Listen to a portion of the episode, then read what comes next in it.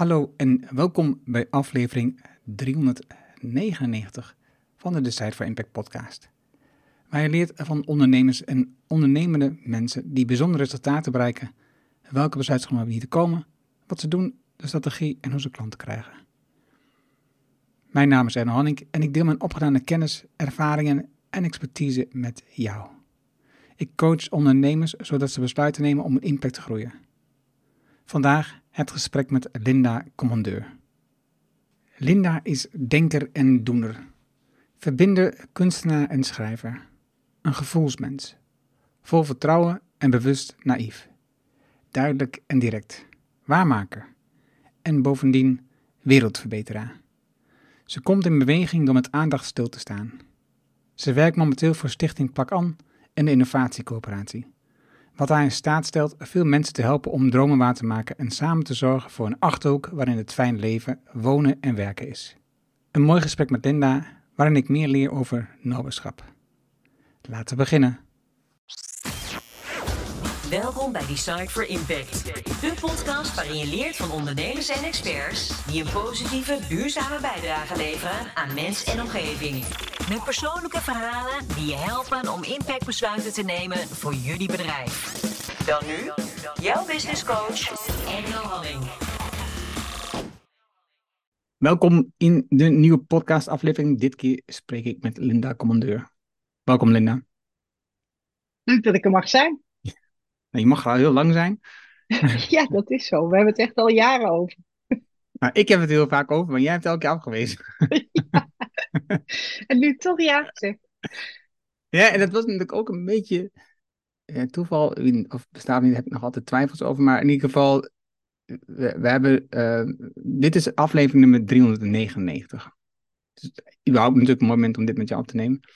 Maar we hebben samen ook de aflevering 400 opgenomen, waarbij jij mij dus interviewt samen met Chantal Walg. En dus toen ik erover nadenk, want oh, ik denk dat het wel goed is dat jij dan ook 399 doet, want dan hebben we toch allebei Chantal en jou ook gehad in de podcast.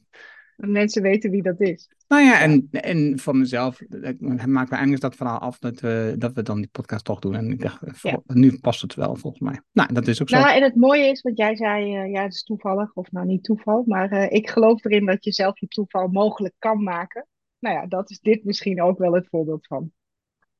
Of de toeval mogelijk maken. Is het dan nog toeval? Nou ja, ik, ik, uh, je, je plant niet dat je mij gesproken of je, dat je mij ging spreken, zeg maar, dat plande je niet. Maar je had wel mij gevraagd voor die 400ste aflevering. En daarna was het een soort van logisch of zo. Blijkbaar, en, uh, ja. Ja, ja. Dus ja, wat is dan toeval? ja. ja. ik weet het niet zo goed. Nee. Dat dingen. Volgens mij zit het gewoon uh, heel veel keuzes die je gewoon in het moment maakt. Weet je. We hadden het over, over lange termijn plannen, plannen voor gasten voor de podcast. En soms heb ik een periode dat ik niet een lange lijst heb van mensen die, wat ik heb ingepland, mensen die dat accepteren. En dan is het heel last minute. En dan kijk je, oké, wie kan ik vragen? Wie zou op last minute nog kunnen? Wie zou dan wel ja zeggen? En anders, ja, dan nodig je gewoon verschillende mensen uit. Meestal via LinkedIn. En dan um, reageert iemand, oh ja, een plan. En wanneer kan je, ja, voor mij maakt niet uit, zeg maar, wanneer voor jou past. Want ik ga voorlopig wel door met de podcast, hè, dus hoeft niet voor mij morgen een afspraak te maken. Dus, dus dan, ja, dan is het ook nog wat flexibeler en wat, wat, um, wat losser. En zo heb ik ook het gevoel dat jij eigenlijk altijd werkt. Wat flexibeler en losser in de dingen die je allemaal aan het doen bent. Want je hebt nogal een breed um, scala aan werkzaamheden die je doet en hebt gedaan. Ja, in mijn optiek zit het, is het helemaal niet los en flexibel. Zeker niet op dit moment. Maar uh, uh, deels klopt het wel. Uh, ik, ik, ik werk vanuit een bepaald idee wat ik, wat ik heb voor de toekomst. Wat ik, wat ik in beweging wil zetten. Dus niet iets wat ik wil bereiken over een bepaalde vorm. Of weet je, niet per se er moet een boek komen. Of ik wil die en die functie. Of maar ik wil iets teweeg brengen in de wereld. En dan is het wel flexibel. Want dan volg ik mijn gevoel. Wat is er nu nodig uh, om daar een stap in te zetten? En uh, ja, dan vind ik het heel fijn om gewoon om me heen te kijken en uh, me te laten leiden door wat ik zie. En, en heel vaak is dat ook iets. Kijk, soms ben je echt op zoek naar dingen. bedoel, ik werk natuurlijk ook met Google en dan zoek ik dingen. Maar er zijn ook mensen of initiatieven of mm, bepaalde begrippen die langskomen en dan zeg maar, ja, dan iets in mij zegt, nou, daar moet je eens verder naar op zoek.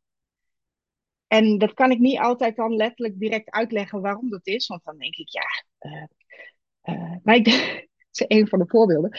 Ik deed vorig jaar uh, deed ik een studie, een master kunsteducatie. hoe je verandering kunt inzetten, of ja, hoe je kunst kunt inzetten bij verandering in de samenleving. En ik hield me bezig met uh, uh, boeren en de samenleving. En ja, ze zeggen altijd uh, de, de kloof tussen de boer en de burger. Maar ik denk, zo gauw je het een kloof noemt en al spreekt over boeren en burgers, ja, dan heb je al onderscheid gecreëerd. Maar ik was daarmee bezig. Dus, oh, ik, ik ratel even, even één stap terug. Dat voorbeeld af te maken. Ik geloof dat je dan uh, kan kijken naar de boer in de samenleving. Wat sowieso al een andere visie is. En toen in één keer kwam er allemaal voorbeelden van heksen op mijn pad. Dus ik zag het boek van Suzanne Smit. Ik las iets over hekserij en hoe, hoe vrouwen vroeger, vooral vrouwen, maar ook mannen, vroeger veel meer leefden bij de natuur. Hoe ze omgingen met, uh, uh, ja, hoe, hoe, ze kennis hadden van kruiden, wat dat deed. Uh, wat je zou kunnen gebruiken, hoe je omgaat met je land, maar ook vanuit heel veel aandacht. En eerst dacht ik nog, ja, het is stom, ik ben toch bezig met die boeren. Uh, Linda, laat die hekserij even los. Uh, want dat kost nu allemaal tijd. En die heb je eigenlijk niet, want je bent voor die studie ben je met dat onderzoek bezig. En toch was er constant iets wat mij die kant op trok. Dus uh, ben ik boeken gaan lezen, uh, dingen gaan uitzoeken. En door dat zoeken en door ook te zoeken op boeren. En dat is misschien ook wel uh, algoritmes die Google dan heeft of zo. kwam ik op een gegeven moment bij wijsheid van inheemse volkeren terecht. En toen bleek dat er in Wageningen een professor is die daar onderzoek naar heeft gedaan. En ook de link legt met boeren. En, en toen in één keer dacht ik Oh, maar als het gaat om uh, verbinding en boeren in de samenleving, misschien zou ik dan een boer veel meer kunnen zien als een inheemse bewoner van een gebied. Die weet hoe de grond is, die weet hoe de natuur daar reageert. En dat is uh, uh, gelijk hele discussie, want weet de huidige boer dat? Of heeft hij ook gewoon allerlei middelen toegevoegd en is daar van alles aan de hand? Maar in de basis, als je terugkijkt, in hoe de geschiedenis is gelopen, uh, dan zijn boeren inheemse volkeren die gebruik hebben gemaakt van natuur, van land, van uh, de dieren daar. Uh, dus toen in één keer dacht ik, oh, maar als ik, als ik nou op die lijn ga zitten, als ik daar nou eens wat meer naar ga zoeken, maar dat ik dus ook de huidige boer uitnodig om weer meer naar zijn gevoel te gaan. En weer meer naar intuïtie en meer gewoon kijken naar wat er nodig is en niet wat de bank je vertelt of wat iemand anders je vertelt. Of, uh, uh, ja.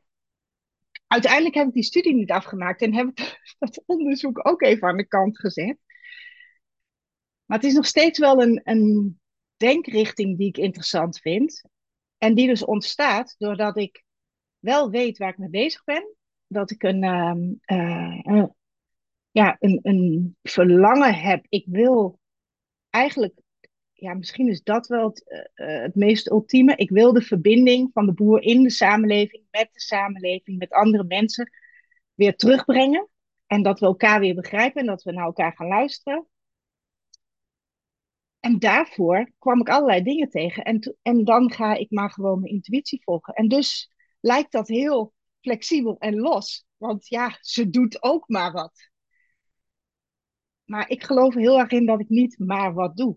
En dat dat komt omdat ik wel weet waar ik mee bezig ben. Omdat ik weet welke kant ik op wil. En durf te vertrouwen op die signalen die dan komen of zo. Dus het is een lang verhaal als antwoord op ja, flexibel en loswerken. Een paar observaties. En, um, en dan gaan we, één verder uh, over boren. Het is A, boeren zijn natuurlijk gewoon burgers. Zeker. B, ja, of de hedendaagse boer nog zoveel binding heeft met natuur, daar vinden ze denk ik zelf wel. Maar als ik naar veel boeren kijk, dan heb ik daar sterk mijn twijfels bij. Maar als ik naar de geschiedenis kijk, zeg maar voor, wat is het, 1880 of zo, voor de industrialisatie begon, was eigenlijk iedereen boer. We zijn eigenlijk allemaal boer. Dus één stuk van die boerenobservatie. Uh, tweede is de, ehm, van, ja, doe je maar wat, los vast. Voor mij doen we allemaal maar wat. Het is, dus je werkt ergens, er komt iets nieuws je pad en je gaat daar achteraan en je gaat een nieuwe hobby doen of je gaat een nieuwe baan kiezen of wat dan ook, omdat het op je pad komt. Niet omdat je al die dingen bewust hebt gekozen, want je leven kan je toch niet kiezen, dingen overkomen je. En we doen allemaal wat we doen, alsof we heel verstand en allerlei wijze keuzes maken, maar het is ingegeven door gevoel. En na tijd gaan we dat met ons brein, zeg maar, motiveren waarom dit de beste keuze was in dit moment en allemaal dat dingen. En um, intuïtie, zo zou ik het niet zo, ja, zo definieer ik het eigenlijk zelden. Maar iedereen kiest daar zelf voor hoe ze dat organiseren. Maar voor mij is het gewoon, er komt iets op je pad en dan denk je, oh, dus, nou oké, dit moeten we blijkbaar doen. Prima. En ik ben dan benieuwd naar wat jij zegt. Hè? Dus, uh, je ziet het dan zelf niet zo, zo, zo los, maar je ziet dan een lange termijn voor je. Waar je naartoe wil bewegen. Maar wat is dan, wat is dan de lange termijn die je nu voor je ziet? Mag ik één stapje terug? Mhm. Dan geef ik hier zo ook antwoord op. Ik weet ook niet of er vrije wil is en of wij uh, te kiezen hebben, zeg maar. Uh, ik geloof zeker niet in de maakbaarheid van alles. Uh, maar dat is wel wat de samenleving, waar ik natuurlijk zelf gewoon onderdeel van ben. Hè? Dus het is niet dat ik mezelf daar nu buiten zet, maar waar we met elkaar vanuit gaan. Dus um, we denken dat we alles in de hand hebben en uh, dat we stappenplannen maken, projecten, dan moeten we van A via B naar C naar D. Um, en ik noem het intuïtie, maar misschien zou je het kunnen omschrijven als de vrijheid nemen om signalen te volgen. En signalen is niet van, uh, oh, uh, uh, hier gebeurt iets en oh, oh, oh, daar moet ik wat mee of zo. Een signaal is, een begrip komt een paar keer voorbij. soms heb je drie keer per week dat een naam van een persoon aan je genoemd wordt. En de eerste keer denk je nog, ja, nou, dat weet ik niet. Misschien, misschien niet. De tweede keer denk je, god, dat werd vorige week ook al tegen haar gezegd. En de derde keer denk je, ja, ik heb nog steeds geen idee waarom, maar ik ga diegene wel bellen, want dit is niet voor niks. Dus of het intuïtie is, ja, um, maakt me ook niet uit wat voor definitie we daar geven. Maar ik denk dat, of niet maar, ik denk dat heel veel mensen niet durven om toch dat signaal te volgen. Want ik heb er geen tijd voor, het past niet bij mijn functie. Ik heb toch dit of dit project en daar valt dat naast. En dat is wel wat ik geloof dat ik anders doe.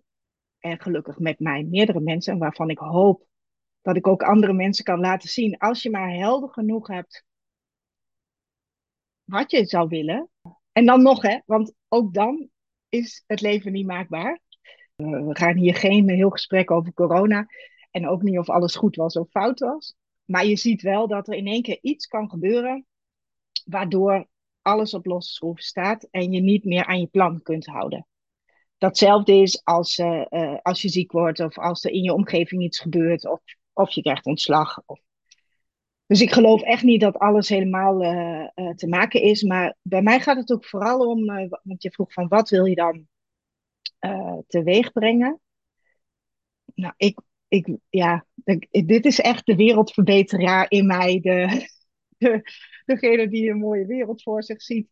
Waarin mensen um, met, ja, met aandacht uh, om zich heen kijken naar wat er is. Uh, schoonheid in heel veel dingen kunnen zien.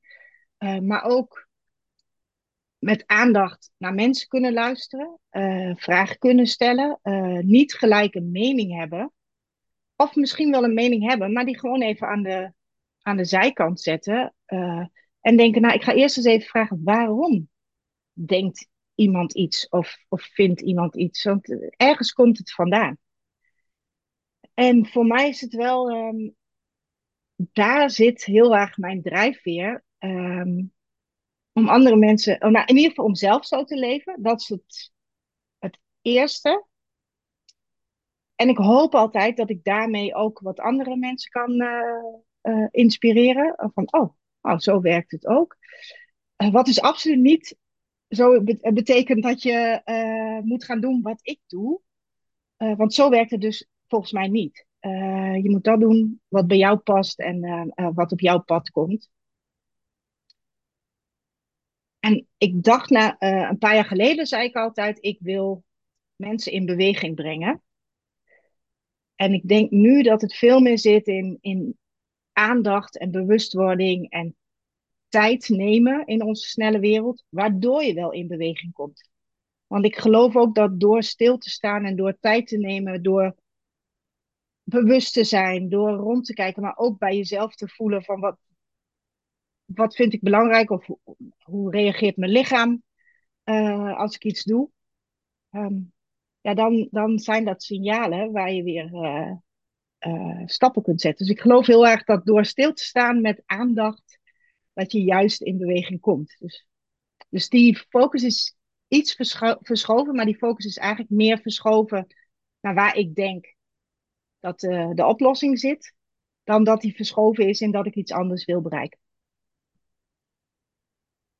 En in beweging komen, ja, ik zie jou denken in, beweging komen is voor mij niet per se uh, dat iedereen uh, maar uh, blijft gaan of per se andere dingen wil. Maar in beweging komen kan ook zijn dat je ergens anders over gaat denken.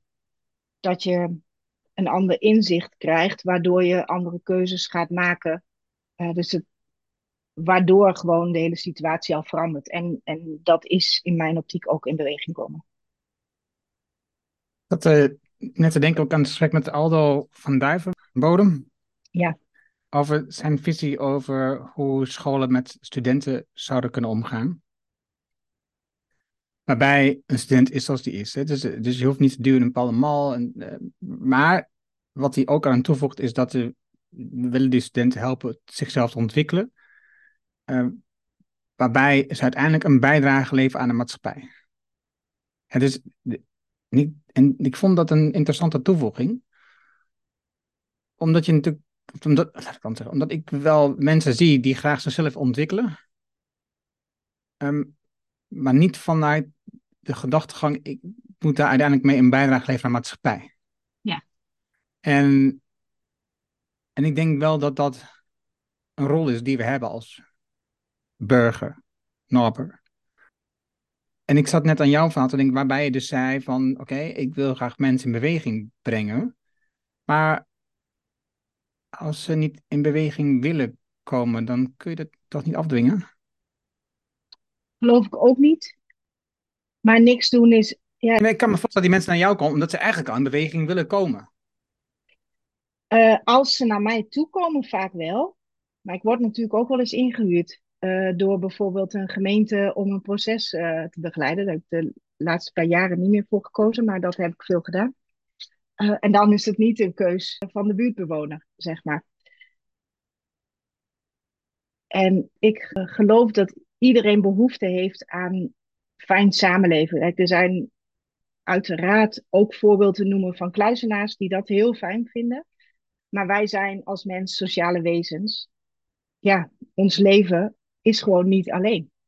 Dus ik vind ook wat Aldo dan zegt, dat, het, dat je juist in die maatschappij, in die samenleving, allemaal een rol hebt, vind ik heel belangrijk. Want ik, ik denk, um, terwijl je dat zei, dacht ik ook, oh ja, nou is het net, dat verhaal wat ik vertelde, zou je kunnen opvatten, en dat is ook gewoon hoe dingen gaan, um, dat het puur gaat ook om jezelf uh, blijven ontwikkelen of zo.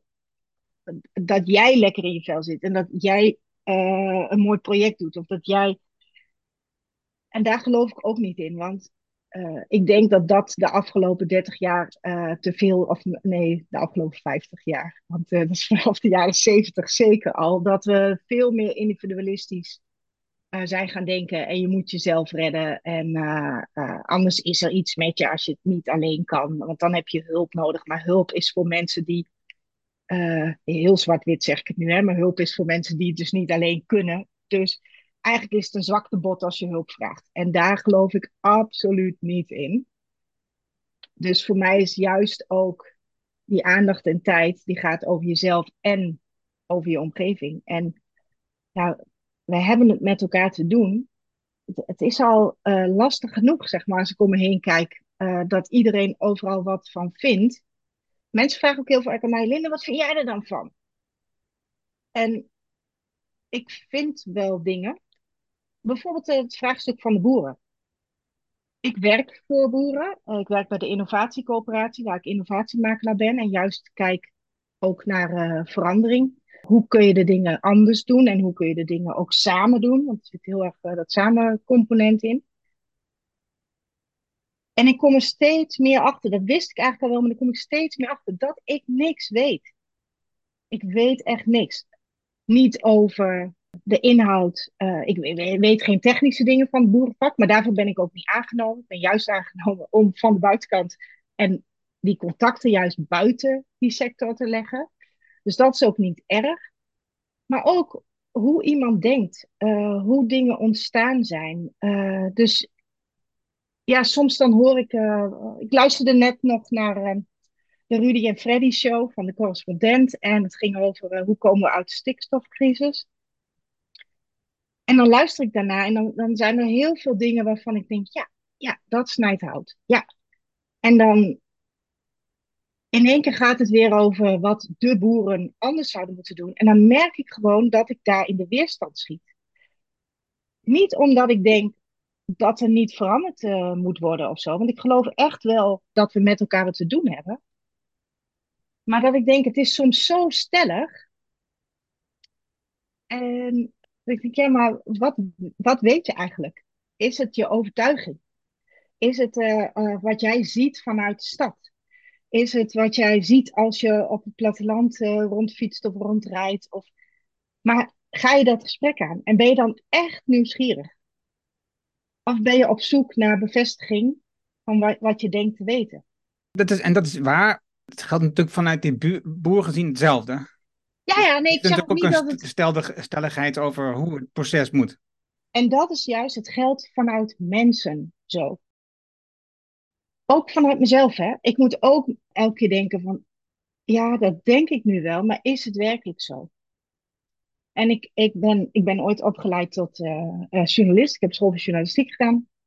Wel af, afgestudeerd richting bedrijfscommunicatie daar werd ik natuurlijk uitgenodigd, juist uitgedaagd om nieuwsgierig te zijn, maar ook om elk verhaal van meerdere kanten te bekijken. En nooit aan te direct iets aan te nemen als waarheid, maar te kijken van hoe kijken anderen daarnaar. Nou, daar zijn de meningen ook over verdeeld of de journalistiek nu nog zo werkt. Maar dat is wel hoe ik ben opgevoed en wat ik eruit heb gehaald. Toen ging ik werken bij Randstad en daar hadden wij uh, drie kernwaarden in eerste instantie. Dat was kennen, dienen en vertrouwen. En er kwam bij uh, continu streven naar verbetering en simultane belangenbehartiging. En simultane uh, belangenbehartiging, dat is iets wat heel erg mij aan het hart gaat. Dat is ook wel grappig. Ik heb 12,5 jaar gewerkt en ik kan het nog zo opnoemen. Maar simultane belangenbehartiging is dat je niet alleen kijkt wat is voor ons als bedrijf het beste. En ik, ik weet niet wat de kernwaarden op dit moment zijn van Randstad, dus of ze nog steeds zo werken.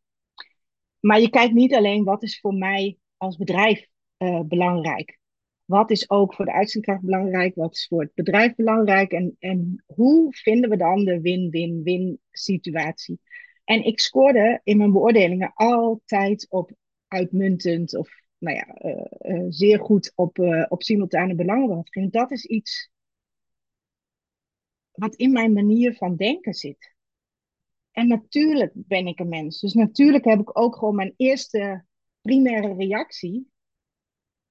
Is ook gebaseerd op wat ik zelf ken en weet. En denk te weten.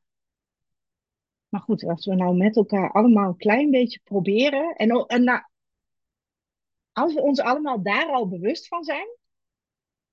Dan scheelt dat denk ik al. En als je dan denkt van, oh ja, ik weet nooit het hele verhaal.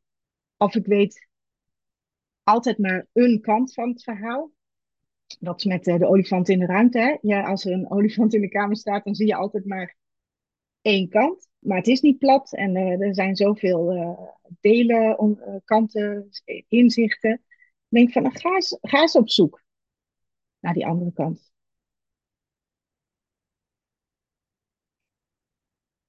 Eens. En het is ook lastig, want je hebt natuurlijk beperkte tijd. Dus je kunt niet op elk onderwerp uh, onderzoeken. En dus, zeg maar, en dat is denk ik ook het. Weet je, dat vind ik dus echt. Ja, uh, we zeggen we hebben beperkte tijd. Dat is ook zo. Want we hebben mensenleven, inderdaad. Maar uh, ik denk als we nou elkaar laten zien hoe belangrijk het is om die tijd te nemen. Want ik geloof echt dat een proces sneller gaat. Nou, ik zei net, uh, ik werd ingehuurd uh, bijvoorbeeld door uh, gemeenten om een proces in de binnenstad. Met bewoners, met ondernemers, met de gemeente zelf, met allerlei organisaties die in zo'n binnenstad werken. Er zijn zoveel verschillende belangen. En als ik denk, ja, maar we moeten door, dat frustreert altijd het proces. Als, als ik niet heb geluisterd naar wat eh, de wensen, de ideeën, de verlangens zijn. En dat was niet wat ik probeerde te zeggen, hoor, voor duidelijkheid. Want, want wat ik probeerde te zeggen is, hè, dus, eh, dan ben je met zo'n project met de gemeente bezig, maar tegelijkertijd kan je niet ook nog nadenken over het heelal en over de boeren en over al die nee, zaken. Nee, nee, dus nee, nee, maar iedereen heeft ergens een focus. En dat is wel, wat, wat nou ja, in dat geval, want dat heb ik natuurlijk ook. Dan zeg ik, ja, ik vind daar niks van. Of in ieder geval niet uh, dat ik daar uh, iets over ga zeggen. Nou, en, wat je natuurlijk nu hebt met de media die er is, de sociale media die we, iedereen zeg maar ter beschikking heeft, dus één, twee, de media die er is, waarbij echt vaak mensen, zeg maar, die worden dan gevraagd wat ze van jou vinden, zoals bij jou. Dus, terwijl ze eigenlijk helemaal niet bij betrokken bij het onderwerp zijn. Hè? Dus uh, overal staan columns in. Een talkshow, hè? Dat we een BN'er gaan vragen wat hij ervan vindt. Ja. ja, dan heb je een column in een blad en dan, of in een krant en dan ja. iemand vindt van dingen wat en dan schrijven ze een column over met de kennis die ze hebben, die meestal helemaal niet op dat onderwerp zitten. En dan denk je, ja, jezus, hou eens op, joh. Dus, ja. Uh, schrijf van iets waar je wel verstand van hebt. Maar ik snap wel, na verloop van de tijd is het, ook, is het ook een beetje saai. En dan heb je het gevoel dat iedereen al weet wat jij gezegd hebt. Maar dat is dus niet zo. Dus kun je beter op hetzelfde nee. onderwerp blijven schrijven. Zoals de Rudy en Freddy, zo wat je net zegt. Ze hebben natuurlijk, ja. uh, uh, Rutger heeft natuurlijk heel veel onderzoek gedaan. Maar niet in alles. Nee, dat kan ook niet. Nee, maar dan moet je, nee. ook, dan moet je geen aflevering een podcast maken om daarover te praten, denk ik dan. Nee, maar goed, dan nodigen ze wel weer een gast uit die er wel wat van af weet. En, uh, nou, ze kletsen ja. ook wel veel in de ruimte. Ja, nou ja, ik luister die podcast bijna nooit. Dus uh, daar kan ik niet direct wat over zeggen. Maar, uh, ja. Ik luister met enige regelmaat en ik vind dat ze af en toe wel echt in de ruimte kletsen. denk, okay. Ja, maar het is toch ook een fijne constatering. Niet dat ze in de ruimte kletsen, maar dat je wel in de gaten hebt wanneer mensen in de ruimte kletsen, wat jou betreft, en wanneer het hout snijdt of zo. Nou, dat, ja, want... dat, dat, is ook een goede vraag. Want ik, ik, zei, ik had het al gisteren nog over met mensen. Want we waren laatst bij, bij de bijeenkomst van de VNG, de Vereniging van Nederlandse Gemeenten, waar we in Aalten mm -hmm. geweest. Ja. En, en ik kon naar twee verschillende projecten gaan om te bezoeken. En ik was naar het Zonvarken gegaan. Dat is een boerderij ja. met varkens op een speciale manier ingericht. Diervriendelijk om dat zaken. Tenminste, als je uh, kijkt vanuit de diervriendelijke organisaties en vanuit de boer is het redelijk diervriendelijk. Als je vanuit het dier naar zou kijken, kun, heb je, dan kun je wel wat vraagtekens zetten. Als die boer dat allemaal uitlegt, ondernemer, wat hij allemaal gedaan heeft en waarom hij dat zo georganiseerd heeft, dan klinkt dat heel aannemelijk. En heel logisch en goed beargumenteerd.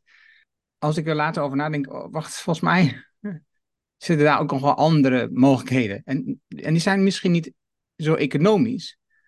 Maar dat is het punt. Wat jij nu uitlegt, heeft niet, heeft niet alleen te maken met het welzijn van het varken, maar ook met het feit dat jij vlees verkoopt. En dat je dus een mm-hmm. varken op laat groeien om vlees, om vlees van te maken. En dus is het een product. En eigenlijk is het niet een dier. Weet je wel? Het is wel een dier, maar het is eigenlijk gewoon een product. Nee, maar jij werkt ermee als. Ja. En dus dan denk ik, oh ja, dus, het klinkt aannemelijk. Maar dat komt waarschijnlijk omdat ik er net te weinig verstand van heb, waardoor wat hij zegt precies mij raakt op het moment waarop hij dat dan zegt. En dan denk ik, oh ja, wacht even. Als ik hier nu meer van had gehad, had ik misschien meer vragen kunnen stellen. Dat is één, twee. Ja, heb ik nu de ruimte en tijd om te onderzoeken? Nee, dat toch net niet. Dus ik vond het een nee. leuk onderwerp, maar ik ga er niet dieper op in, want het, ik heb andere onderwerpen ja. die ik belangrijker vind. Ja. Dus dat bedoelde ik echt met die focus. Ja, ja. ja.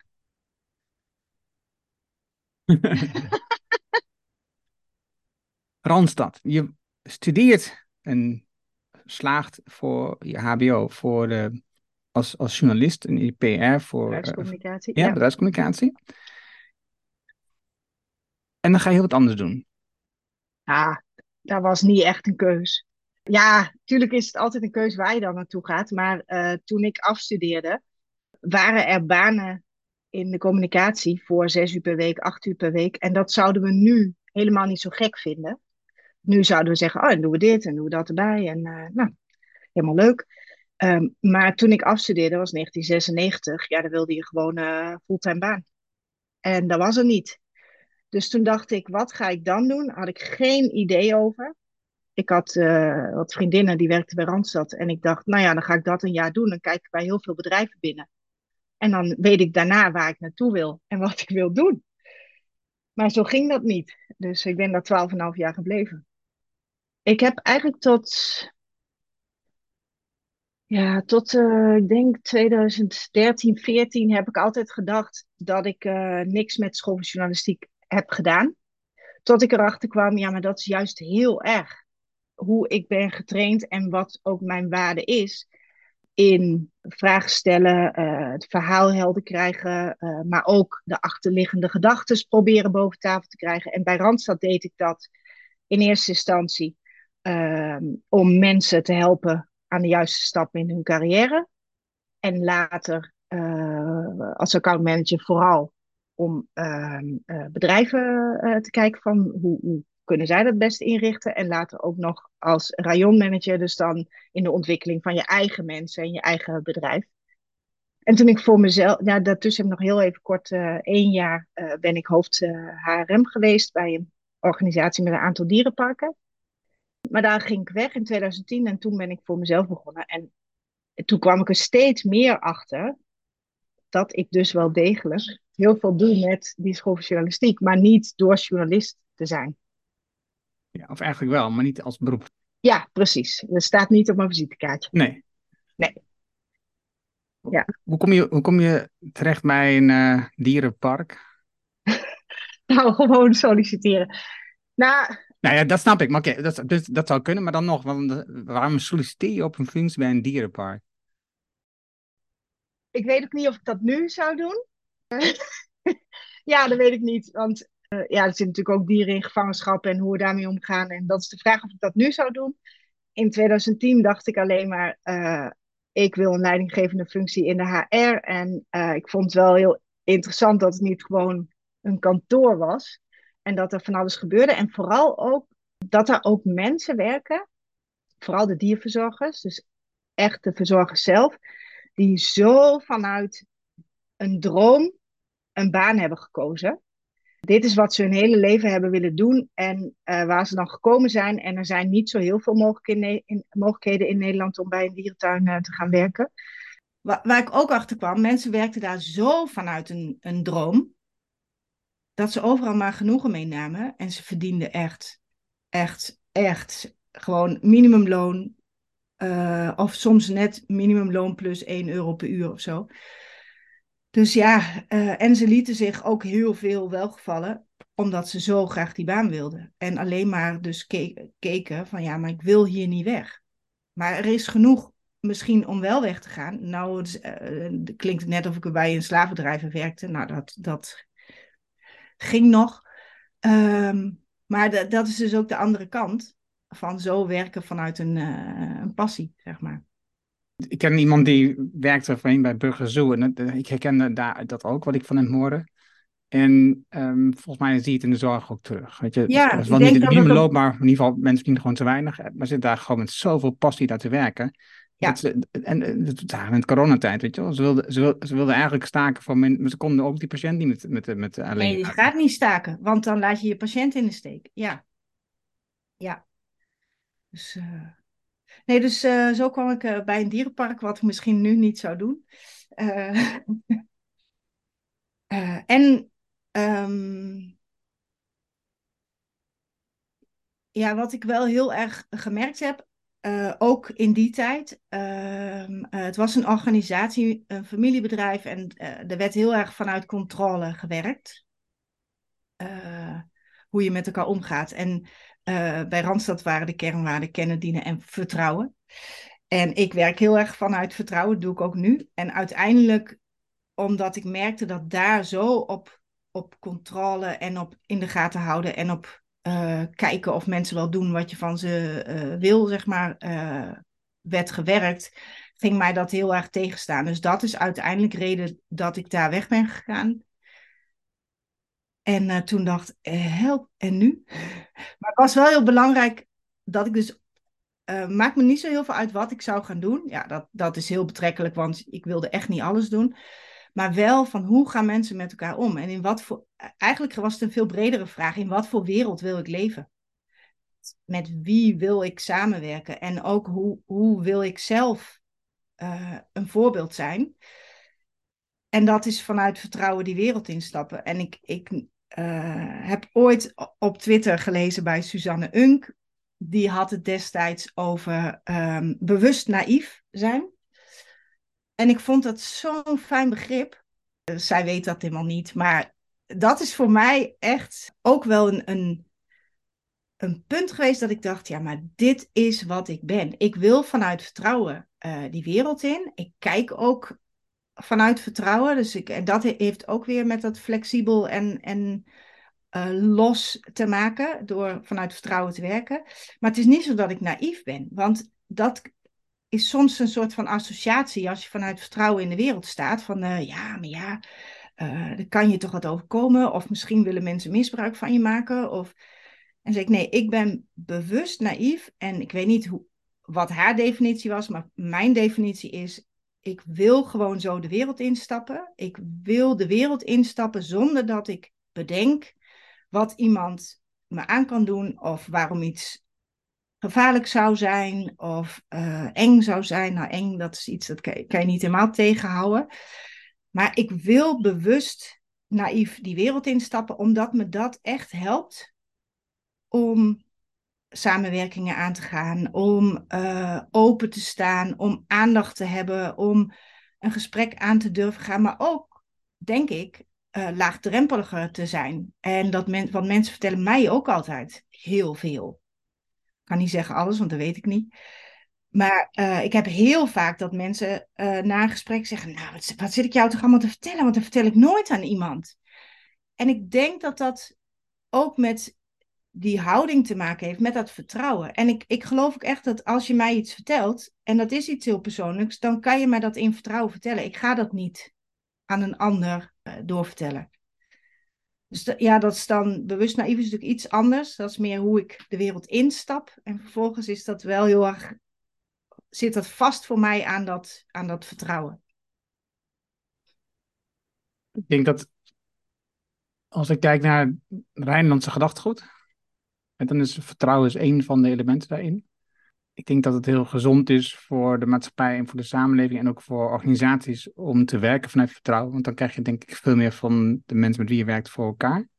Dan vanuit argwaan te werken en van niet vertrouwen. En dus controleren. Het is het, het, het Anglo-Amerikaanse gedachtegoed waarbij je dus mensen een opdracht geeft en dat moet controleren en dat ook moet meten. En dus vandaar ook de misstand in de zorg. Hè? Dus dat we alles ja. die mensen moeten in de zorg moeten allerlei dingen vastleggen, omdat ze niet worden vertrouwd. Terwijl ze eigenlijk vakmensen zijn en zo ontzettend veel passie hebben voor hun werk. Dat ze het altijd, altijd de beste keuze zouden maken. Ja, en jij had het net over Aldo van Duivenbode en over onderwijs. En toen ik net voor mezelf begon, toen uh, kwam ik in aanreiking met Geen School. Ik weet niet of jij die uh, nee. project ook nog kent. Je had uit de tijd dat ik ook bij Durf te Vragen werkte. En dan had je het project Geen School. En de basis was, geef leerlingen, studenten een week lang de ruimte om zelf dat te doen, te leren, te ontwikkelen wat zij willen ontwikkelen. En aan het einde van de week is er veel ontstaan. Dat, dat weet je. Alleen dat is zo ontzettend spannend. Want eh, er waren scholen die deden daar wel aan mee, want die zagen daar ook uh, de waarde van in. Maar dat was uh, rond 2011, 2012, denk ik, 2013 misschien. Ik heb weet niet precies. Ondertussen gebeuren natuurlijk ook hele andere dingen wel op scholen. Maar je kwam letterlijk uh, de school binnen via de hoofdingang en er stond een bordje school, naar links bijvoorbeeld, uh, en rechts geen school. En dan ging je dan naartoe. En uh, je merkt dat eigenlijk zit het nooit in de, in de leerling of daar wat uitkomt of dat daar niet wat uitkomt. Uiteindelijk wel in wat ze doen natuurlijk, maar het zit veel meer in of zo'n project slaagt, of je durft los te laten als docent ook. Want ja, maar dan gaan ze helemaal niks doen. Dan gaan ze een week zitten keten. Dan gaan ze, uh, nou ja, een beetje de standaard uh, uh, argumenten om het niet te doen. en dan vraagt het, ook na dag twee, als er nog steeds vooral maar wat gedaan wordt. Stel dat dat het geval is, hè, want heel, het, hoeft helemaal niet het geval te zijn. Maar stel dat dat zo is, om dan nog steeds los te durven laten, maar wel duidelijk te hebben waarvoor doen we dit en waarvoor willen we aan het einde van de week, waar willen we dan mee eindigen? En als dat maar helder is. Kijk, sommige leerlingen gaan vanaf dag één heel fanatiek uh, naar buiten en met mensen praten en die durven dat wel. En de ander denkt, nou ja, ik wacht het wel even af. Maar dan komt in één keer alles onder druk te staan omdat het al woensdagmiddag is en je moet vrijdag wat hebben. Ja, sommigen komen dan pas. En en dan denk ik van ja, dat is voor mij ook met vertrouwen uh, zo'n proces aangaan en, en durven loslaten, maar wel helder zijn in um, of kaders, in uh, uh, wat het doel zou moeten zijn, wat je wil dat, het, dat er opgeleverd wordt. Of, en dat kan iets heel concreets zijn. Ik wil vrijdag dat we een bijeenkomst hebben en dat jullie delen wat je hebt gedaan of weet ik veel wat. Maar het kan ook zijn dat je zegt, ja, ik wil graag uh, dat jullie zoveel mogelijk uh, mensen hebben gesproken die je niet kent en uh, dat je daar dingen uit kan halen die je niet verwacht had of zo, weet je. Dat is veel, ja, dat is ook concreet, maar dat is veel minder concreet dan dat er een bijeenkomst moet zijn op vrijdagmiddag.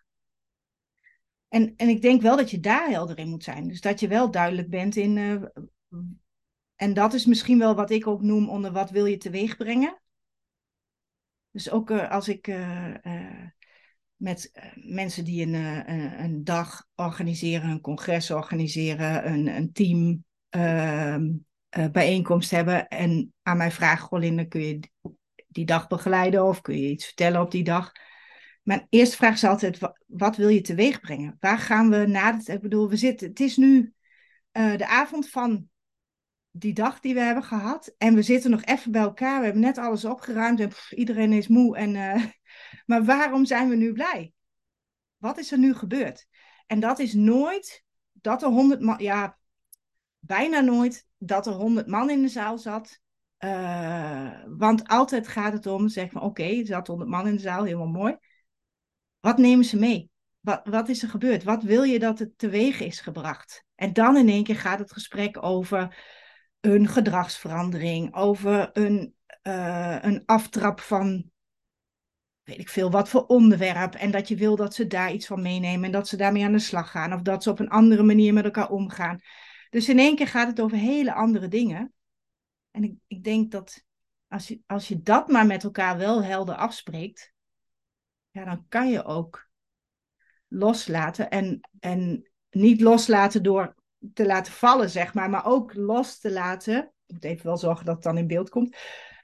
Uh, door je handen, wat voor degene die geen beeld heeft, door je handen te vouwen, waardoor het, uh, je iemand eigenlijk een steuntje geeft om te vliegen, om weg te gaan. Dan denk ik van ja, maar dat is zo'n andere manier van loslaten dan door iemand te laten vallen. Door helemaal geen aandacht te besteden. En ik geloof wel dat daar dus ook wel echt wel verschil in is. En dat heeft ook alles te maken met dat vertrouwen ook natuurlijk iets waar wij vanuit de, in de Development Hub, hè, dus de, de, in de Development Hub, waar we in achtergrond mee bezig zijn geweest toen wij hebben gepraat over, oké, gaan we dit starten? En hoe dan? En wat wil je dat er dan bereikt wordt? Wat, maakt, zoals gisteren dan, de sessie met Anker zitten, waar word je dan uiteindelijk blij? Want als, je met mensen praat over, Anker heeft het dan over de donut, de donut-economie, en als je dan uiteindelijk zeg maar je eigen individuele donut gaat invullen. En dat je met elkaar in gesprek bent. En dus leert voor jezelf, hoe zit je nou in die donut eigenlijk? Dat is één ding. En twee, dat je er met anderen over praat. Ik denk dat dat in zo'n geval zo'n mooie uitkomst is. Al is het maar met drie mensen. Wat overigens niet het geval was, maar dus, eh, stel dat is maar met drie mensen. Dan is dat gewoon nog steeds heel waardevol. Ik wil zeggen, beter met drie, echt zo in gesprek. En misschien ook wel zeggen, ik snap het hele systeem niet. Of ik kan het systeem niet helemaal reproduceren. Uh, maar ik voel wel wat het met me doet. Of ik kan elementen benoemen en er met elkaar over te hebben. Want uh, dan worden er zaadjes geplant. Dan gebeurt er iets. En dat is denk ik belangrijker dan dat iemand jou precies kan uitleggen wat de donut-economie is. Het is wel heel handig dat mensen zoals Anke dat wel kunnen. Want dat helpt. Nee, maar als je vragen hebt, dat moment kun je wel, krijg je wel verduidelijking en verheldering. Want uh, Frank Landman is vrij goed in, in veel vragen stellen. Dus, uh, dus dan, dan worden wel dingen nog iets hel, ja, duidelijker hoe het dan zit. Ja, ja, dus voor mij waarom ik deze podcast ook uh, met mensen opneem. Want dat geeft me de gelegenheid om dus te verdiepen in dat soort onderwerp. Om te onderzoeken en te kijken, wat zit nou, hoe zit het nou precies? Waar, waarom zit het nou eigenlijk echt zo? Ja. En, um, en dat kan op veel onderwerpen zijn. En, en, eigenlijk een beetje hetzelfde dat jij hebt. Dat je een bepaald moment heb je een onderwerp wat vaak voorbij komt. Oh ja, wat ik er nu wel echt wat meer over weten. Laat ik eens kijken wie hier verstand van heeft, wie er meer al langer mee werkt. Ja.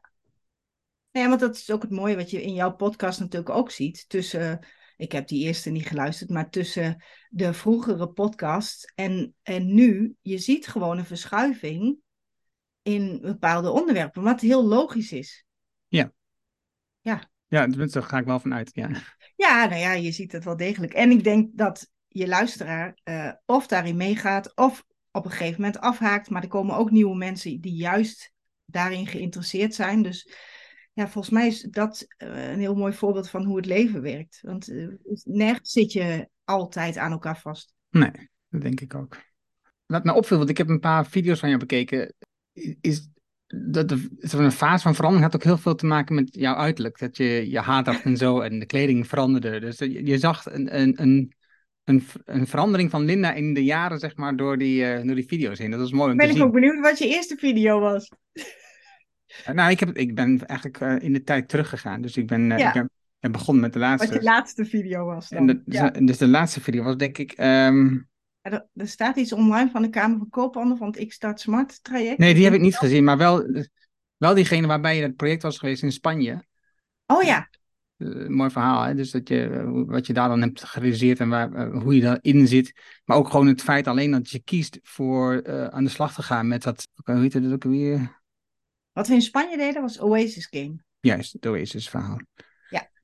Even nog dan kijken, waarom heb je de, van Jan Vaze een traject retorica gevolgd? Ja. Waarom en wat, wat leerde je ervan? Nou, ik heb echt ontzettend veel daar geleerd. Van Jan en van de, de andere deelnemers. Ik heb het ook wel in denk ik een jaar of vier, vijf gedaan. Terwijl uh, er is één leergang, twee leergangen en dan is er een derde tegenwoordig. Maar wij hebben zelf toen met de groep een derde uh, vorm gegeven en daar bleven we in zitten. En waarom?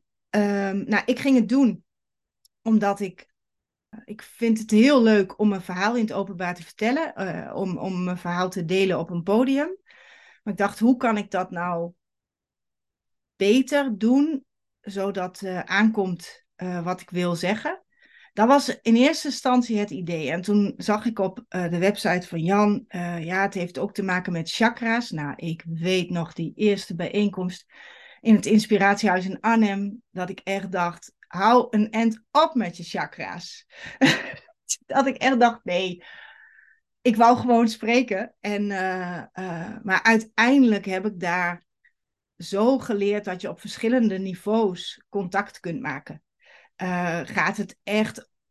kijk, en of dat nou een chakra heet of dat je daar andere omschrijvingen aan geeft, maar dat het echt hele basale behoeften kunnen zijn die ik, ik ja, je ziet dat nu niet, maar ik wijs echt naar mijn buik, naar, mijn, naar, naar het centrum, naar in het geval van een vrouw, je baarmoeder, uh, die er bij mij niet meer zit. Maar goed, dat punt. Vanuit daar, maar ook vanuit uh, je hart, uh, vanuit communicatie, wat veel meer hier zit, dat je merkt dat je met een andere intentie, vanuit een andere ja, is dat, een, is dat een overtuiging? Nee, dat is het niet. Een andere behoefte, een ander verlangen is het misschien wel. Op een ander niveau, dus ook andere voorbeelden geeft. Maar ook gewoon al gebruik maakt van de kleur van je kleding.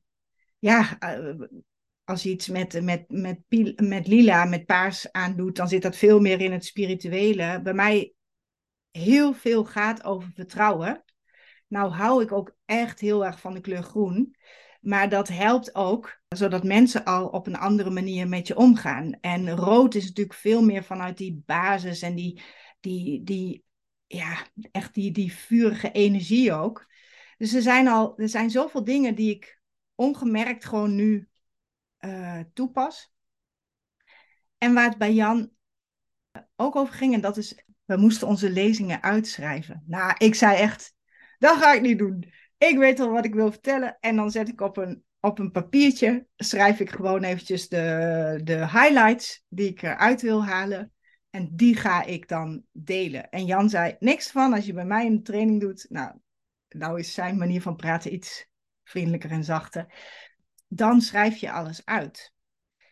En dat heeft me echt geholpen om veel meer tot de kern te komen. Om heel veel bijzaken echt weg te laten. Om veel bewuster te zijn uh, van allerlei zijstappen die je eigenlijk niet toe doen.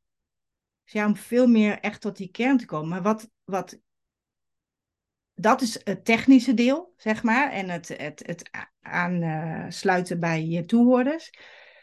Wat voor mij echt heeft gemaakt dat ik er al die jaren mee door ben gegaan, is dat wij met een groep mensen zaten die echt nieuwsgierig waren naar elkaars verhaal. En uh, we hadden eigenlijk altijd als uitgangspunt één thema. Nou, ik, één keer die echt indruk op mij heeft gemaakt, hadden we zelf bedacht, we gaan het hebben over schaamte. En schrijf maar een lezing over schaamte. En we waren met een groep die heel open en eerlijk naar elkaar is. Dus je durft dan ook te benoemen waar je echt voor schaamt. Nou, dat is. Dat vertel, dat vertel je, ik, niet heel gauw aan mensen waar je echt voor schaamt. Want daar schaam je je voor. Maar als je dan met z'n zessen, zevenen deelt waar je je voor schaamt en waarom en wat dat voor gevolgen heeft en ook hoe je daar het liefste mee om zou willen gaan of wat dan ook je verhaal is, krijg je zoveel inzicht omdat je zeven keer een verhaal over dat thema hoort in wat het met mensen doet. En je gaat echt ook anders naar je eigen situaties kijken. Eigenlijk meer accepteren dat schaamte er is, was voor mij een hele belangrijke. Dan denk ik, ja, uh, dat is er. En uh, dat, dat is niet weg te stoppen. Alhoewel dat juist is wat we heel graag weg willen stoppen. Maar hoe meer we proberen weg te stoppen, hoe groter het wordt. En ook dat waar een ander zich over schaamt, dat ik dat misschien echt heel gek vind. Dat ik denk, ja, maar hoezo schaam je daarover?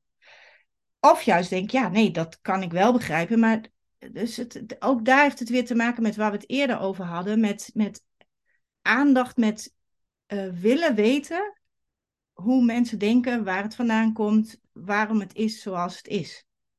En ook daar dan vervolgens je eigen gedachten over te ordenen en te denken, oh ja, maar hoe werkt dat dan bij mij? En ik wist dus nooit aan het einde van zo'n sessie, zo'n middag, hoe ik er nou eigenlijk zelf over dacht. En sommige onderwerpen zeiden we ook, zullen we er nog een keer aan wijden? Want dan hebben we een soort van verdiepingsslag. En uiteindelijk ben ik gestopt omdat het dus ook heel veel tijd en energie kostte om dat echt goed voor te bereiden. Soms deden we ook gewoon een boek lezen en daar wat over schrijven. Of... Uh, maar na een paar jaar merkte ik echt dat ik dat miste. En uh, ben ik uh, bijvoorbeeld met Raymond Witvoet en Olga Plokroy meegeweest met Wisdom Travelers. En ga ik nu in juli weer een week. Dus ik kijk heel erg naar uit. Omdat ik het heel fijn vind om met mensen uit te wisselen over zulke wezenlijke onderwerpen in je leven, dat je daar zelf over eh, echt even, in dit geval, we gaan een week naar, in juli, dat je een week de tijd krijgt om ook echt gewoon zelf eens even na te denken. Maar ook dat je van andere mensen hoort. En ja, ik denk dat, dat daar zit, daar, ja, dat is voor mij ook echt rijkdom en persoonlijke groei. En ja, en dan mag ik dan ook in juli nog een week in de bergen doen. Nou, dan, veel blijer kun je me niet maken zeg ook elke keer tegen mensen: nee, nee, ik ga naar Zwitserland. Ja, maar het is voor mijn werk hoor. Ja, voor mijn werk. Hou gauw een hand op. Aukje Mauta, die eh, heeft ook veel onderzoek naar schaamte. Het is ook fantastisch als je haar hoort spreken over schaamte. Over hoe, ja. uh, en dus, ik heb laatst ook een presentatie van haar meegemaakt uh, voor de OOA. de organisatie, de Orde van Organisatiekundigen en Adviseurs. En ja, dat is gewoon echt fantastisch. Het is zo'n mooi onderwerp. Dat is het. Ook als je, kijk, ieder geest is natuurlijk ook iets waar het gaat over eh, gedrag en, en, en hoe je doet en wat je doet en waarom je doet. En schaamte is soms zo'n blokkade, rem, waar, waar we niet altijd bij kunnen of bij willen. Dat ik denk van, oh ja, maar als we, als we dat dus wat normaler gaan vinden of zo. Dus je mag je wel schamen. Dus het is niet zo dat we de schaamte uit de wereld willen halen. Uh, want volgens mij kan dat niet. Het is gewoon een hele menselijke uh, reactie en een, en een behoefte die je misschien ook echt wel hebt. Maar als je, als je weet dat schaamte er ook bij hoort en dat, dat iedereen dat heeft, dus dat het helemaal niet zo gek is, dan denk ik al dat, we, dat het ook heel veel uh, ruimte kan geven. Dus ik ben wel nieuwsgierig. Ik ga eens even op zoek bij je, Aukje. En Maurice uh, Bijk die had het gisteren over een hogeschool. Onder jongeren op dit moment blijkbaar is er vrij veel zelfdoding. Veel meer mm. dan in het verleden. Ik heb daar zelf niet zo mee bezig gehouden. Maar, ja, ja, je hoort het wel, ja. Ja, hij vertelde over. En hij vertelde over dat een hogeschool, ook in die hogeschool was er veel meer zelfdoding onder jongeren. En dat die school er dus voor koos om er niet over te praten. En ja. dat is op zichzelf eigenaardig. Dat zei je ook. Voor mij is dat het slechtste wat je kunt doen. Want voor mij wordt het daar, volgens mij ja, het is, wordt het allemaal erger door. Het is wel heel dubbel. Uh, want we zeggen ook, wat je aandacht geeft, groeit. En tegelijkertijd geloof ik ook dat je het aandacht moet geven om, omdat het er is. En omdat het iets is wat en degene raakt die erover nadenkt of die, die zorgen heeft, uh, en de, degene eromheen. Dus ik denk ook dat we dat inderdaad niet uit het oog kunnen verliezen. Maar soms is het best ook wel een lastige afweging. Dat, dat realiseer ik me ook. Het is natuurlijk een uitspraak, hè? Uh, wat je aandacht hebt, dat groeit. Maar dat, ja, je kan ook zeggen, als ik zeg dat het uh, erbij hoort, of als ik zeg dat het gewoon is dat we allemaal onze zorgen hebben, als dat aandacht uh, krijgt en groeit, dan is het ook heel fijn, hè? Want dan is dat ook de oplossing. Dus het is misschien ook van hoe ga je vervolgens met zo'n onderwerp om? En welke woorden gebruik je? Dat zit, het zit denk ik niet in het verhaal over de zelfdoding aan zich, want dat is namelijk een, het eindstation. Ja. Um, het, gaat, het, gaat, ja, het gaat over de fase daarvoor. Het gaat over die eenzaamheid. Het gaat over niet kunnen praten met je, over je probleem met anderen, waardoor je een bepaald moment een keuze maakt. En, en je kunt het heel goed hebben over die fase daarvoor, waardoor ik niet denk dat daardoor de zelfdoding zal toenemen. Dat is in ieder geval. En daar heb ik ook niet voor gestudeerd, voor duidelijkheid. Dus, nee, nee, nee.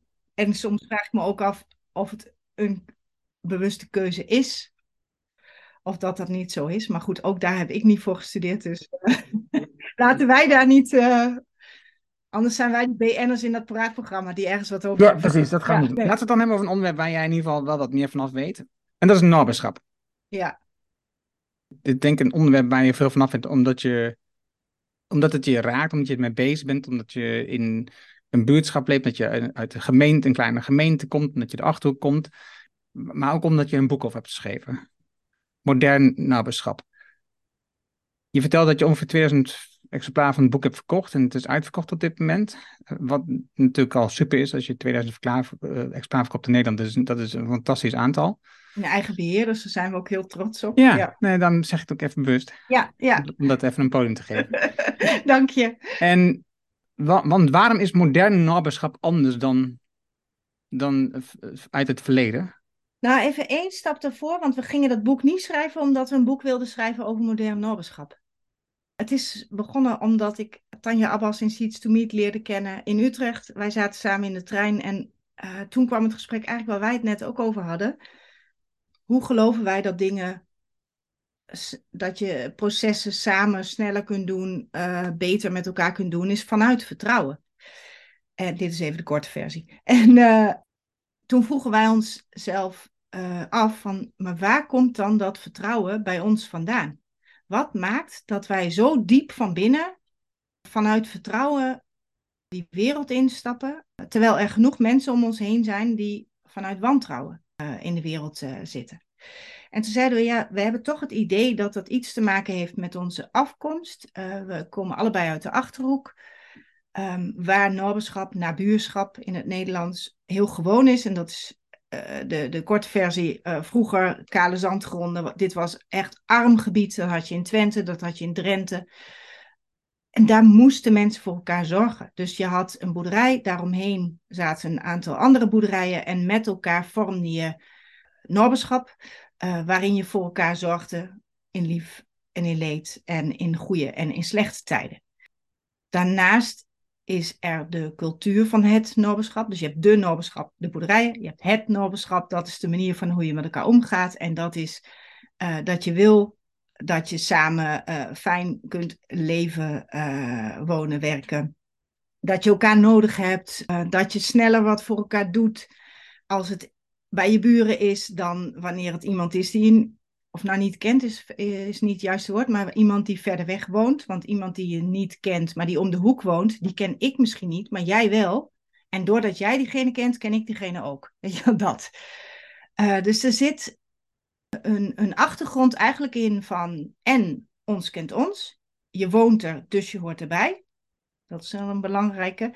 En uh, wij moeten het samen doen hier. Dus we hebben voor elkaar te zorgen nou, dat maakt dat wij nieuwsgierig waren. En toen beide, uh, zowel Tanja als ik, wij werkten allebei op verschillende plekken, maar wij hoorden allebei steeds meer mensen over nieuw noberschap, modern noberschap, noberschap 1.0, 2.0, 3.0, nou, zoals dat uh, dan ging.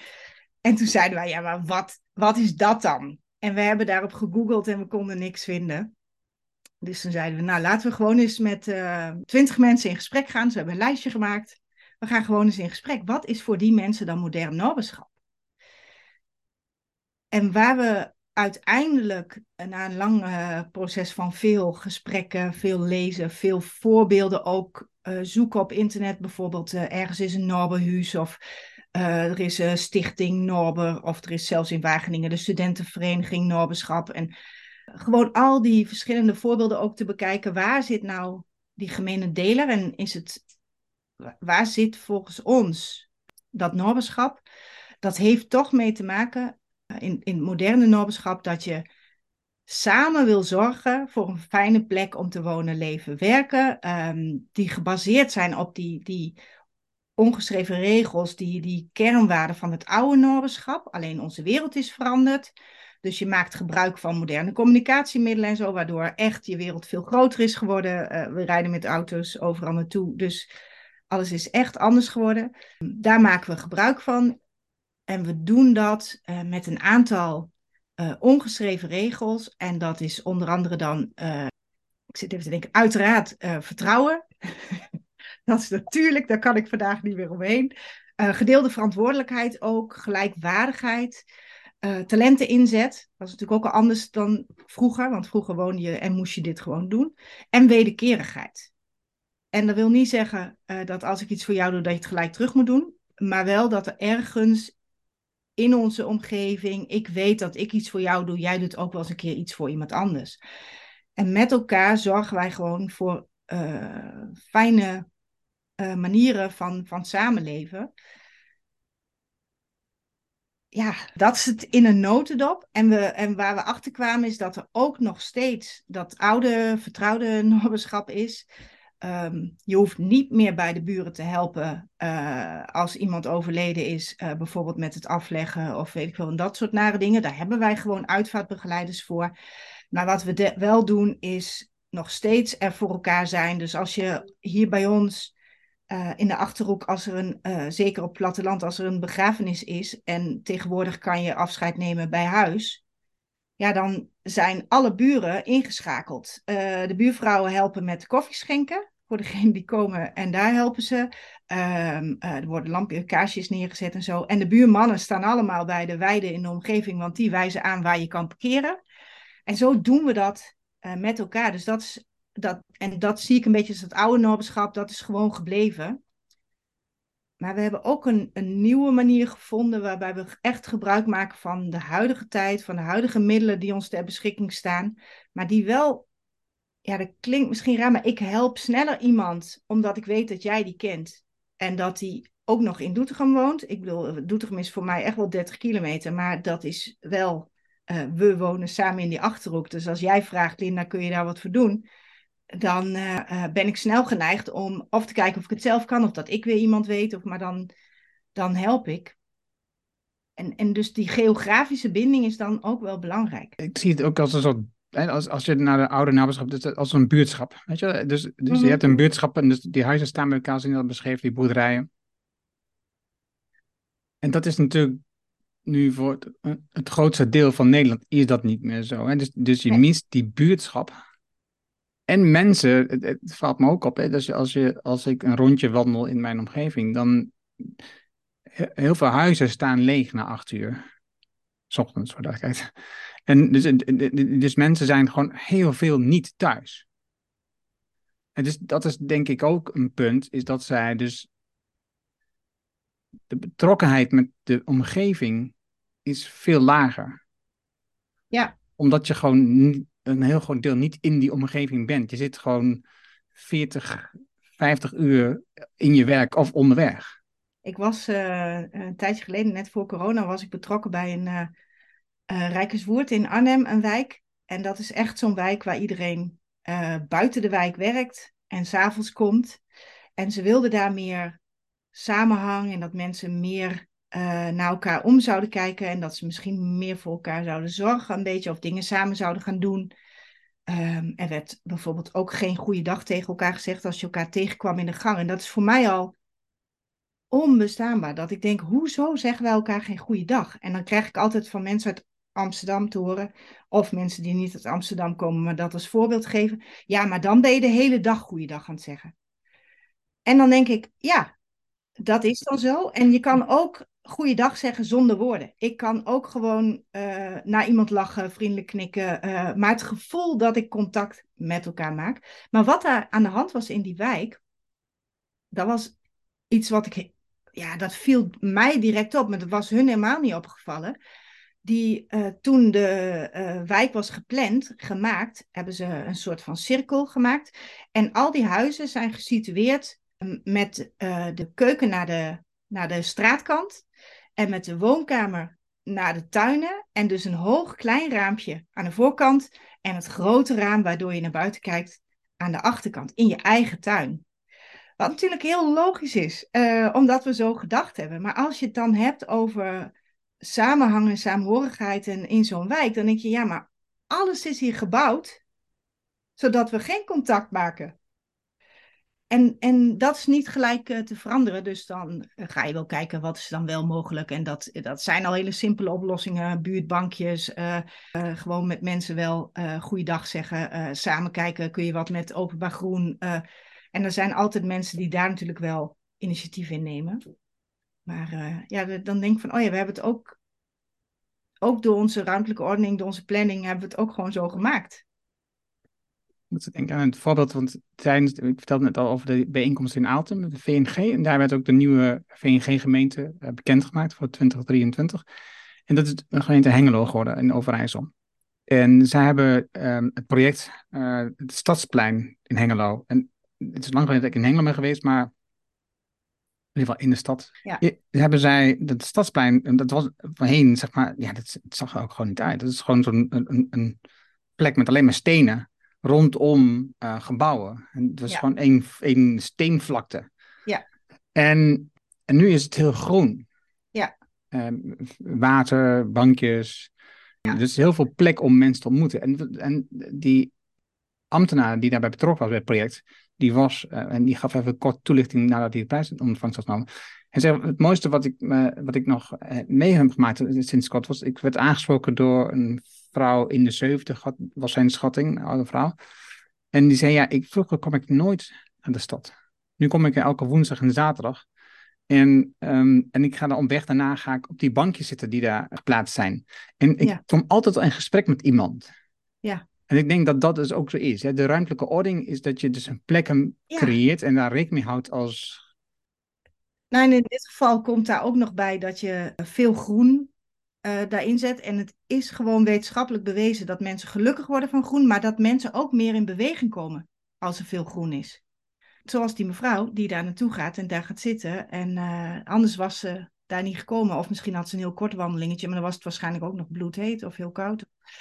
En, en wat wel eh, het mooie is, ik, ik ken niet het hele proces, maar ehm, ik ken Esther Glas. En Esther Glas is van eh, de projectgroep Bos op het Plein. En zij hebben in de beginfase, toen het nog steeds ging over allerlei gebouwen en er moesten nieuwe gebouwen en er moest zelfs volgens mij een parkeergarage of zo komen, ik weet niet helemaal precies het verhaal, zijn zij echt uh, met een werkgroep Bos op het Plein, uh, zijn ze begonnen om gewoon constant te zeggen, wij willen groen in dat hart, wij willen bos op dat plein. En in eerste instantie waren zij alleen maar vervelend, zeg maar. En zij hebben heel veel stil verzet gedaan door bijvoorbeeld met een groep mensen in een cirkel stil, echt stil, dus niet demonstreren met borden en, en, en veel lawaai, maar echt gewoon in een cirkel stil te gaan staan. Waardoor mensen uh, nieuwsgierig waren wat daar gebeurde en, en in gesprek gingen. En uiteindelijk heeft dat ook wel gemaakt dat zij betrokken zijn bij een proces. Uh, maar goed, in eerste instantie was het allemaal helemaal niet zo makkelijk, want uh, wat ik ervan begrepen heb, was die strijd eigenlijk al gestreden en moesten daar gewoon gebouwen komen. En want we moeten zuinig omgaan met de grond die we hebben, uh, dus gaan we dat daar neerzetten. En, maar dat is toch geweldig dat daar nu dit soort beweging ontstaat. En waarschijnlijk vindt de groep, dat weet ik niet, maar de Bos op het Plein vindt het misschien nog helemaal niet genoeg, dat weet ik niet. Maar ergens in het midden heb je elkaar gevonden en ontstaat er wel wat. En dit soort voorbeelden, volgens mij moeten dan ook die verhalen van die mevrouw, ja, dat moet verteld worden. Want als we dat niet weten, dan op een andere plek gaan we weer uh, eerst heel moeilijke processen aan, zeg maar. En dat denk ik, daar had ik het met Anne Plein van IJs ook al een keer over. En, en dat ging over, over ondernemerschap en over um, ego. En je ziet natuurlijk veel voorbeelden in de media van ondernemers die heel groot zijn. Die een groot bedrijf hebben gebouwd, veel geld hebben, absurd veel geld hebben. En je mist de verhalen van de kleine ondernemers ja. die het samen doet met de werknemers. Weet je, waar, waar het niet draait, het is de Rijnlandse bedrijven, waar het ja. niet draait om de ondernemer zelf, maar waar het gaat over de onderneming en over uh, de, de, duurzaamheid van de onderneming op de lange termijn. Hè? Dat het ja. bedrijf voortbestaat en de volgende generaties overgaat. We, we moeten gewoon, daarom heb ik deze podcast, we moeten die verhalen vertellen, want dat is waar de, wat je al zegt, als je zo'n voorbeeld vertelt, dan kunnen andere mensen, andere gemeentes, andere ondernemers kunnen zien dat het anders kan. Dat er wel ja. opties zijn. En, ik, en het is... Maar ik denk ook, weet je, het gaat ook uiteindelijk over die persoonlijke verhalen. Alleen het lastige is wel, want ik, ik heb meerdere uh, sociale projecten ook gedraaid. En dan, uh, zeker als er subsidie in het spel is, dan willen mensen weten wat het oplevert. En ik wil dan verhalen vertellen. En dat doe ik ook. Uh, maar ze willen eigenlijk gewoon cijfers. Hoeveel bezoekers heb je dan? En hoeveel van dit en hoeveel van dat? En dan zeg ik ja, maar uh, niet ja, maar. Dan zeg ik uh, Denise, want Denise is een echt persoon en kwam bij ons binnen. En Denise zat al lang in een uitkering vanwege gezondheid. maar zij wilde wel heel graag wat. Alleen, ja, kan ik dat dan doen en kan ik dat dan alleen? En zij zei, ik wil heel graag een zwemtocht door de Groenloosgracht. Maar ik heb geen idee hoe we dat voor elkaar krijgen. En zei, nou, ga eens even zitten. Wil je wat drinken? Uh, wat een tof idee. Uh, nou, we gaan eens met je meedenken. Arjan was ook daar altijd uh, in die ruimte als kennismakelaar of welk woord je er ook aan wil geven. En die zat ook nog eens in het bestuur van de zwemclub. En toen zeiden wij, oh, maar er is elk jaar dat evenement, dat is uh, uh, Dancing in the Street, dat is s'avonds. Dan is er toch al van alles geregeld met toiletunits uh, en weet ik veel wat. Kun jij niet eens met Michael, die dat organiseert, vragen of jij smiddags die zwemtocht kan organiseren? En dan kun je ook gezamenlijk misschien wel een vergunning aanvragen. Is allemaal veel makkelijker, hoef je niet alles dubbel te doen. En wij zijn haar echt gaan helpen. Dus in dit geval Arjan vanuit die zwemclub. Echt gewoon samen uh, dat gaan doen. En Denise, die dus in eerste instantie echt dacht van ja, maar wie ben ik? Weet je, uh, uh, het is waarschijnlijk al, dat weet ik niet, maar dat vul ik dan even in op elke verjaardag. hey Denise, hoe is het met jou? Wat doe je? Ja, ja, ik, ik zit nog in die uitkering. Wat eigenlijk natuurlijk helemaal niet de vraag is, wat doe je? Maar het is wel wat wij er met z'n allen altijd mee bedoelen. Terwijl als je gewoon vraagt van, uh, ja, of wat wil je, of, of, hoe is het met je, of niet direct, uh, wat doe je? Ja, wat kan het schelen, weet je? Ik vroeg vorige week aan jou, hoe is het met je? En er kwam gelijk een verhaal wat het toe deed. En dan denk ik, dan hebben wij het met elkaar ergens over. Dus nou ja, dat is even weer een zijstapje. Uh, maar Denise, uiteindelijk heeft de zwemtocht door de Grolsgracht uh, is er. En door corona is dat eventjes, ja, dan, dan is het er in één keer niet meer. Maar wat gebeurde er? Denise kwam weer bij ons en zij zei: Ik ben ondertussen bezig met. Uh, ik, ik, ben lifestyle coach geworden en ik doe dat in de uren dat voor mij kan. En ik wil een gezondheidsbeurs organiseren. Oh, wat tof. Wat heb je nodig? Nou, ik heb niet zo heel veel van jullie nodig, want ik weet ondertussen hoe dat werkt. Samen. En, maar misschien ken je nog dit of dit. En nou, dus een klein beetje. En zij ging echt in het cultureel centrum een beurs met, ik geloof wel 50 stands of zo had ze georganiseerd rondom dat thema. En ondertussen uh, is zij uit die uitkering gekomen en heeft ze haar eigen bedrijf gestart. En dat doet ze nu nog steeds. Wel ondertussen iets anders, maar wel. Uh, ik, nou, dan denk ik, dit is waar het om gaat. Alleen, dit is één voorbeeld. Is het dan belangrijk dat wij daar een project hebben waar duizenden euro's gemeentegeld ingaat, waar we ook nog 50.000 euro van Stichting Doen hebben gekregen? Ja, is dat voldoende? Nou, gelukkig heb ik meer van dit soort verhalen. Maar op de een of andere manier willen mensen gewoon cijfers.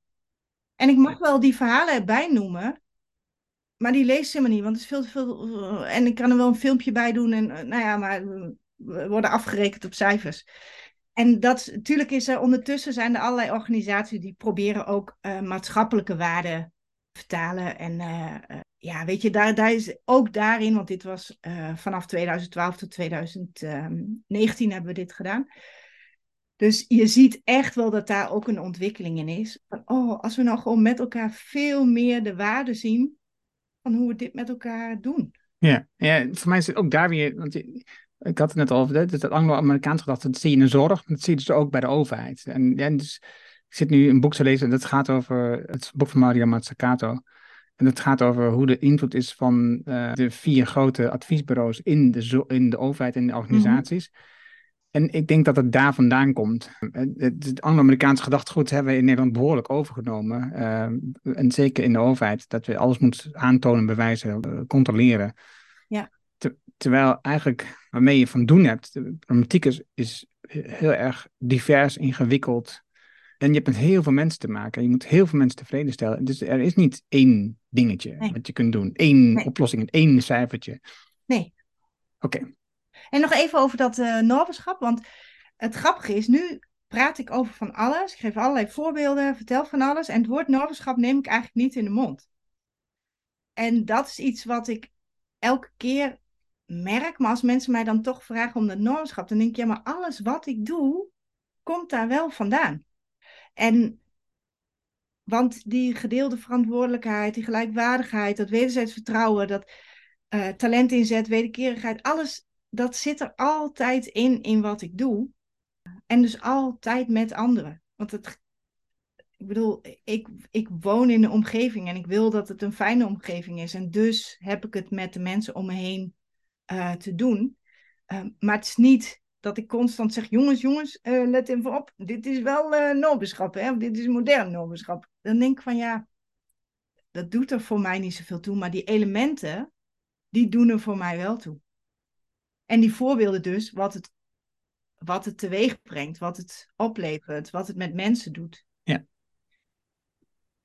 Ja, ik denk het ook. Ik denk ook dat je modern naberschap in een bedrijf kunt hebben, in een organisatie kunt hebben bijvoorbeeld, uh, dat je dat ook heel goed kunt organiseren. Linda. Ja. Het is... Um, het, schiet, het loopt weg met ons, hè, die tijd. Het is, ja. het is gelukt, we hebben een gesprek gehad. Voor de podcast in ieder geval. Ja. Het was heerlijk om te doen. Het was heerlijk om, uh, om met jou dit gesprek te hebben. En we kunnen gewoon nog twintig, maar we gaan, wij gaan regelmatig gelukkig wandelen. Wij spreken daar, elkaar wel. Dus, ja. dat, dus dat komt wel goed. Hoeft niet iedereen al die gesprekken van ons te luisteren. Dat scheelt alweer. Maar goed, uh, mocht, je wel, mocht je het wel interessant vinden, mocht je hebben geluisterd en denken, oh, dit is super interessant. Nou ja, lindacommandeur.nl. Dan vind je sowieso. Haar nieuwste boek, Zo zie ik het, is er ook nog gewoon, volgens mij. Kun je nog gewoon kopen. Heel mooi boek met allemaal foto's van een tocht die ze heeft gemaakt tijdens coronatijd. Uh, door te wandelen. Uh, het is echt een fantastisch project. En, en, dat is weer typisch Linda voor mij. Dat je, dat je met iets komt en dan daar een project van maakt en dat ook gewoon organiseert. Ik vind het ja. super gaaf. Eén ding wat ik daarover, want een van de uh, gedichtjes, spreuken die daarin staat, is: Ik zie niet wat jij ziet, jij ziet niet wat ik zie. Door het met elkaar te delen, zien we samen meer. En dat is waar het voor mij ook over gaat. En daar sluiten we mee af. Dankjewel, Linda. Dankjewel, Erno. Dat was het mooie gesprek met. Je vindt de namen en links die we noemden in het artikel dat bij deze uitzending hoort. Ga daarvoor naar decideforimpact.com slash show 399. Wil je vanzelf automatisch de volgende aflevering van deze podcast op je telefoon ontvangen? Dat kan heel eenvoudig. Op jouw iPhone vind je de standaard podcast app. Open deze app, zoek daar de Decide for Impact podcast en klik op abonneer. Heb je een Android telefoon? Installeer dan eerst bijvoorbeeld de Player FM app.